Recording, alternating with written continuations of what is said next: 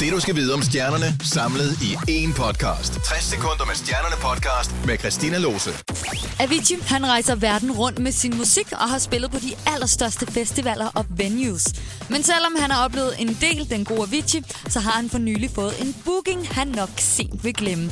Den 13. juni skal den svenske prins Carl Philip giftes med kæresten Sofia, og Avicii han er hyret ind til at spille til bryllupsfesten. Til en svensk avis fortæller Avicii, at det er en ære at spille til den kongelige fest, og at han får lov til at beholde kasketten på. Drake og Beyoncé de har været en tur i studiet sammen.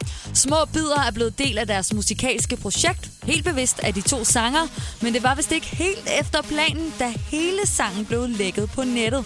Singlen, der efter sine er en del af Drakes kommende album, hedder I Can og lyder sådan her.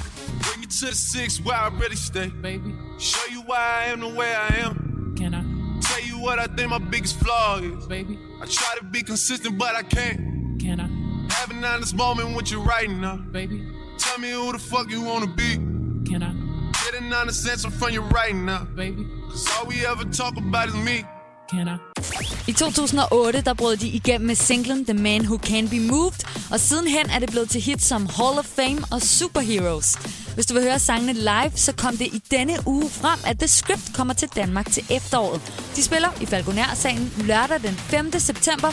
Billetterne er sat til salg. Det er ved at være to år siden, at Katy Perry udkom med sit Prism-album, som hun tog forbi Danmark i marts måned og turnerer rundt med i hele verden til og med oktober.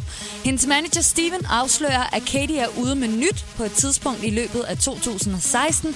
Katy Perry selv har udtalt, at hun ikke orker at arbejde på ny musik, mens hun er på tur. Hun er simpelthen alt for smadret.